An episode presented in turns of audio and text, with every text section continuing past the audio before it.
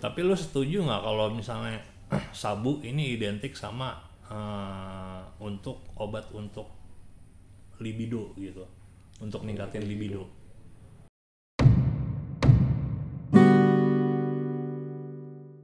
Ya, balik lagi sama saya Patri Handoyo di Indonesia Tanpa Stigma. Ada Kevin juga.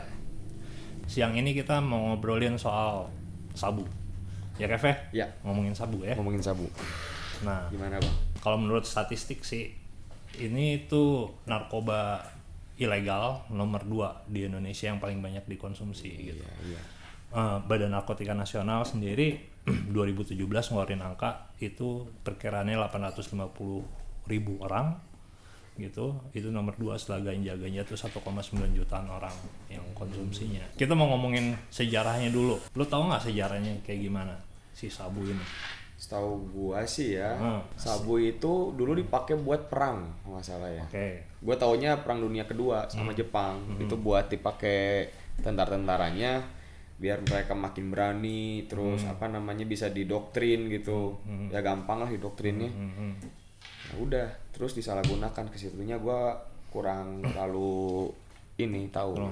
Oke. Juga Jadi sebenarnya eh, sebelum disintetisin menjadi sabu atau metamfetamin kristal itu, khasiat obat ini, khasiat sabu gitu ya, itu udah dita- diketahui sama orang-orang Tiongkok, orang-orang Cina. Itu 2000 tahun lalu gitu. berarti orang Cina dulu bikin sabu juga gitu apa gimana? Kagak, mereka pakai tanaman. Namanya Ephedra sina- sinica nama latinnya, nama latin tanaman itu. Ephedra sinica. Makanya sekarang ada obat namanya ephedrine atau pseudoephedrine. Lu pen- mungkin pernah dengar. Oh, iya, itu iya. buat eh, apa? pilek, batuk gitu ya. iya iya iya Itu ephedrine dan itu jadi sekarang ephedrine itu jadi eh, apa eh, bahan baku atau istilah kerennya tuh prekursor untuk pembuatan sabu-sabu ini. Jadi itu udah 2000 tahun orang orang-orang Cina tuh pakai tanaman itu untuk ngobatin ya gitu sesak nafas, pilek dan seterusnya. Nah, eh, zat ini pertama kali di disintetisin sama ahli kimia Jepang itu tahun lap- 1893 namanya Nagai Nagayoshi. Itu jauh sebelum yang tadi lu bilang. Iya. sebelum yang perang dunia, dunia itu tahun itu. tahun 1940-an ya. Iya.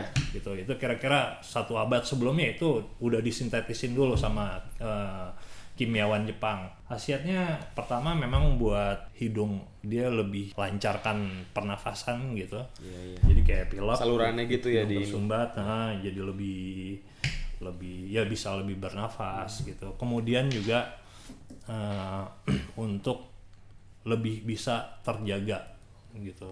Terjaga tuh ya nggak ngantuk ya. Iya ya nggak ngantuk nggak ya ngantuk. Terus juga eh, untuk diet gitu. Diet. Diet. Jadi di Amerika itu di Amerika itu eh, produk-produk em, amfetamin gitu-gitu itu sampai sekarang sih masih ada yang eh, bisa diresepkan untuk obesitas. Berarti legal di sana ya? Di ada ada yang legal tapi Oh, kebanyakan di Amerika juga eh, jadi penemuan terbanyak di Amerika metamfetamin itu ya Iya. ilegal.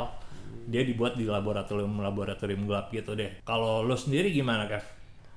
Pernah punya pengalaman nggak nih sama obat ini kalau obat itu sih gua baru taunya pas baca undang-undang narkotika sih Hmm. dia masuknya kalau nggak salah golongan golongan tiga nggak salah ya. Mhm. si pseudo pseudo itu ya pseudo apa Efed, pseudo ephedrine, ephedrine. nah ya itu tuh Ephedrine itu uh, dia nggak masuk golongan narkotika tapi eh, prekursor tadi bahan baku Prekursor. bahan baku buat narkotika tapi berarti tanaman di sini tan- tanaman itu di sini ephedra itu itu Bentuknya udah apa sih? udah nggak dipakai cuma ya karena sekarang gitu. udah udah banyak kan udah udah tidak memerlukan tanaman itu lagi Iya. sebenarnya Iya. si sabu ini udah bisa disintet pakai bahan-bahan sintetis semuanya ya kenapa kemudian juga ini jadi jadi narkotika populer kan Iya. jadi drugs populer di di dunia bahkan nah eh, ya eh, lu pernah kan pasti misalnya eh, lagi ngetus gitu. Itu apa yang terjadi sih sama lo sebenarnya? Dan kenapa orang-orang menjadi suka sama sabu ini? Sampai BNN memperkirakan ada 850 ju- ribu orang di Indonesia yang pakai itu.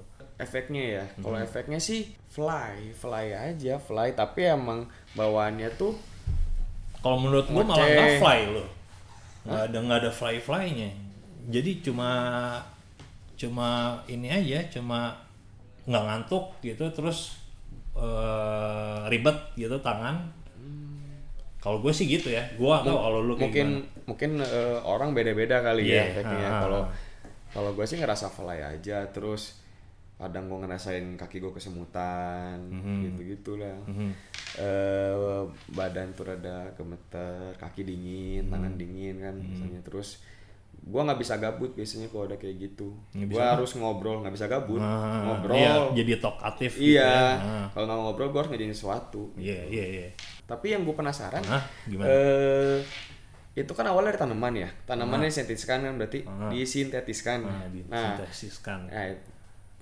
berarti yang kimianya ini bisa nggak sih dipakai buat obat juga gitu bisa lah bisa Iya, itu kan awalnya sebelum sebelum tahun 71 ya. Iya. 71 tuh ada uh, UN Convention soal uh, apa kesepakatan PBB tentang obat-obatan psikotropika. Itu emang dipakai buat ya itu tadi, buat pilek dan yang tadi gue bilang sampai sekarang itu masih diresepkan kok si amfetamin itu buat obesitas di Amerika. berarti itu bahan bakunya itu dia dari kimia bukan Kimia, udah bukan dari tanaman lagi. tanamannya tapi masih ada nggak Masih ada lah Masih pasti. ada. Masih ada. Dan lu tahu kenapa namanya sabu? nggak tahu Hah? nggak tahu kenapa kenapa gue nggak tahu Karena setelah Perang Dunia Kedua itu, iya jadi eh, si am- metamfetamin ini, Hmm. ini banyak dipakai buat yang tadi lo bilang, buat eh, kelas pekerja di Jepang. Oh. Itu untuk ningkatin kan eh, ekonomi mereka hancur nih Iya, setelah Hiroshima Nagasaki gitu. iya iya Nah mereka pakai itu dan kebanyakan yang jual memang eh, yakuza dan itu pasar gelap. Hmm, Jadi ya namanya sabu lah. Sabu. Gitu. Jepang banget iya kan. iya Jepang banget makanya Iya. tahu samanya sabu. Nah, gue pernah nih Kev eh, bikin kajian soal sabu ini Hmm. Di dua tempat di Batam sama di Denpasar. iya Nah, itu tahun 2015. Jadi sekarang sabu itu eh, setidaknya 2015 ya, Iya. itu lima tahun yang lalu. Itu dipakainya kan kalau dulu sebelum itu dipakainya sama anak-anak kelas atas ya, iya gitu. Nah 2015 itu udah dikonsumsi sama pengamen gitu, anak-anak pang. Lu pernah punya pengalaman khusus nggak gitu tentang obat ini?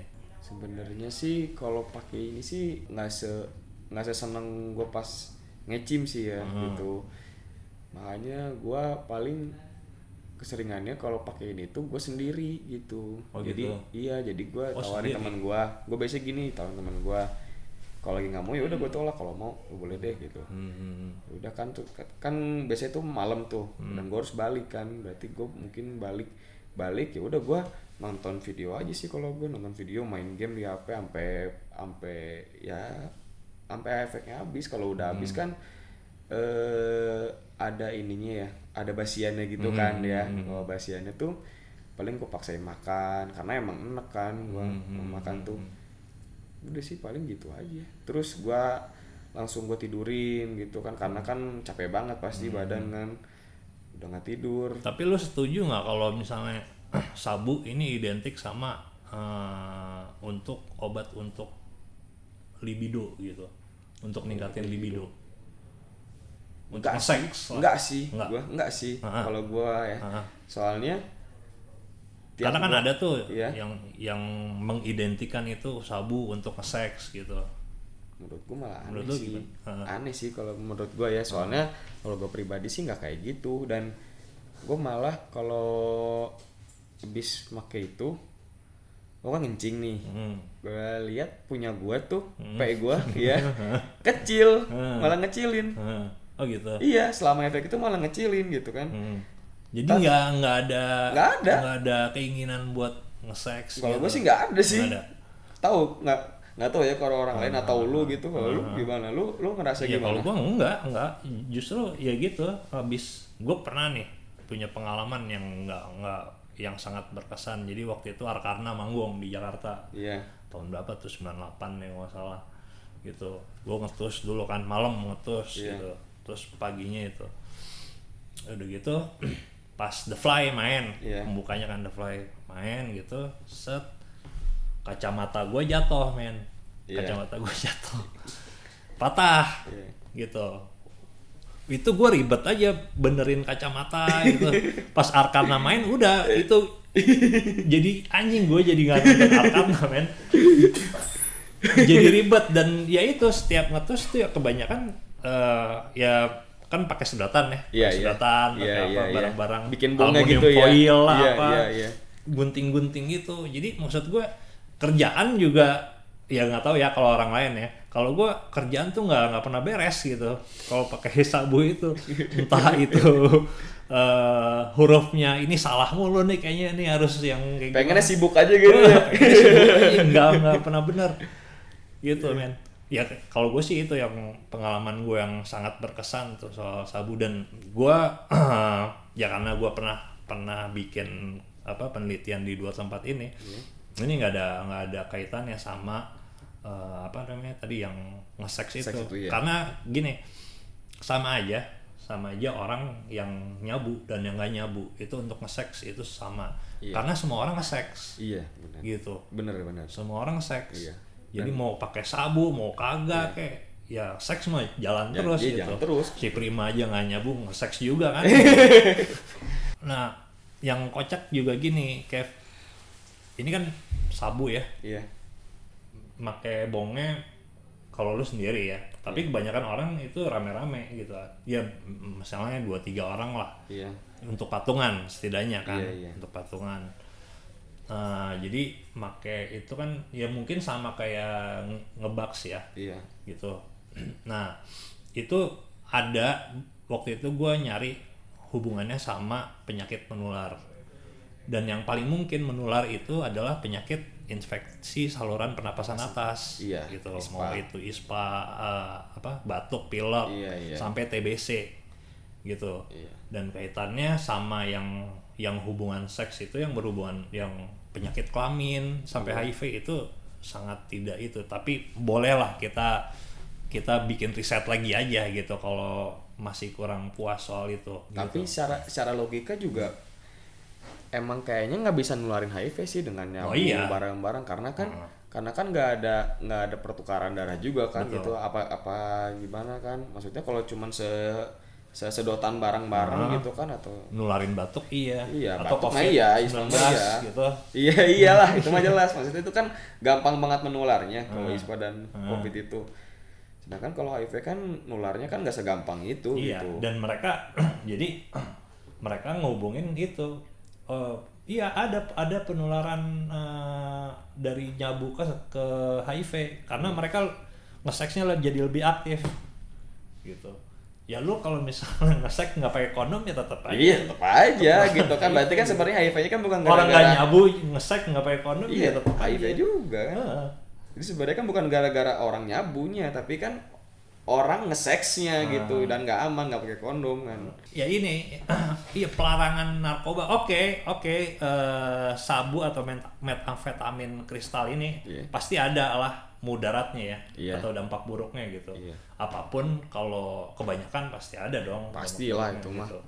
gitu cuma maksud gue ya ini harusnya obat ini dikendalikan gitu Iya. seperti obat-obat yang lainnya kayak kayak ganja gitu-gitu Iya. dikendalikan nggak nggak dilarang total sehingga yang menguasai itu ya komplotan penjahat Iya. gitu ya rumah cemara selalu bilang oke ya kita nggak bisa apa-apa untuk untuk emang ada lebih baiknya ya ya nggak pakai sama sekali gitu Iya tapi sebenarnya. Tapi kan nggak mungkin juga karena obat ini ada di pasar gelap siapa pun bisa dapetin itu sepanjang dia punya uang gitu. Iya. kecuali kalau dia emang dikendalin sama negara dia adanya di apotik gitu dan bisa di- didapetinnya dengan resep dokter. Tapi ini kan adanya di jalanan siapa pun Iya. bisa. Nah yang bisa dilakukan kan adalah untuk ngurangin dampak buruknya nih. Kayak misalnya tadi ketularan TBC gara-gara pakai bong barang-barang kayak gitu. Iya. nah eh, ya saran dari lo apa Kev? Supaya kalau konsumsi sabu ini bisa lebih aman gitu Kalau emang takut ketularan, mending pakai cangklong aja. sendiri sendiri Cangklong. gitu iya ya sendiri sendiri dan dan nah yang tapi yang kocak gini men gue temuan gue di Batam iya dan di eh di Batam terutama Iya. ya. Jadi ada mereka ada ada yayasan gitu udah nyediain gitu pipa masing-masing, cangklong masing-masing. Yayasan? Ah, ada LSM di sana lah. iya Nyediain cangklong masing-masing. Nah, itu dianggapnya nggak sopan. karena karena nggak nggak muter gitu. hmm, Ya tapi tetap lah itu itu yang yang paling memungkinkan untuk mencegah penularan eh, penyakit ya Iya, penyakit penyakit. penyakit ya apalagi sekarang zamannya corona gitu terus apa lagi kira-kira eh, selain pakai cangklong sendiri terus paling masalah ketagihannya sih bang Hmm, ketagihannya maksudnya ketagihan? eh lu jangan disugesin buat lo harus kayak gini terus gitu. Hmm. karena gue ngeliat juga rada miris juga kalau ada yang bener-bener tiap hari butuh itu gitu. Hmm. karena emang basiannya tuh eh gimana ya lumayan bikin capek lumayan risih sih Hmm, kalau udah basiannya tuh. Jadi kayak badan pegel-pegel. Hmm. nggak inilah tepuguh. Iyalah orang nggak tidur men. nah itu. Iya nggak tidur dua hari gitu misalnya gitu nah ah, Nah nah yang sedangkan yang ini kan kenapa dia jadi populer? Salah satunya karena karena menurut eh, responden yang yang gue tanyain itu narasumber narasumber yang gue tanyain eh, ini tidak seperti narkoba narkoba yang kayak heroin yang harus disuntikin gitu. Jadi cuma ngisap doang gitu. Jadi m- mereka merasa itu tidak berbahaya sehingga ya udah pakai aja dan itu maka akhirnya jadi populer sama kayak sinte gitu kan Iya. Sinte ya sama kayak rokok kan ngerokok juga padahal hanya efeknya kan bisa bisa bahaya banget gitu. bisa Tapi yang penting benar. gimana eh, kita untuk mengurangi yaitu tadi eh, efek yang lebih buruknya kayak kesehatan gitu. iya Ya. Mau nanya nih, Hmm. apa tuh sabu kristal yang beredar sekarang Hmm. bisa dipakai untuk medis nggak? Enggak, enggak, Enggak. enggak. Jadi hanya untuk have fun aja gitu. ya? Iya, untuk rekreasi aja. Rekreasi aja. Heeh. Oke. Nah, ya kalau pengobatan ya bentuknya pil gitu-gitulah. Yang yang lu bilang tadi kan ob- dalam bentuk obat apa? Hmm. Kayak Adral, Adral itu kan. Adral, Adral itu, gitu. Kayaknya udah dulu ya Ya. buat kita. Oke, semuanya teman-teman, makasih untuk untuk nyaksin ngobrol-ngobrol kita. Kita ketemu lagi di episode berikutnya dengan topik yang berbeda. Thank you. Dadah. Dah.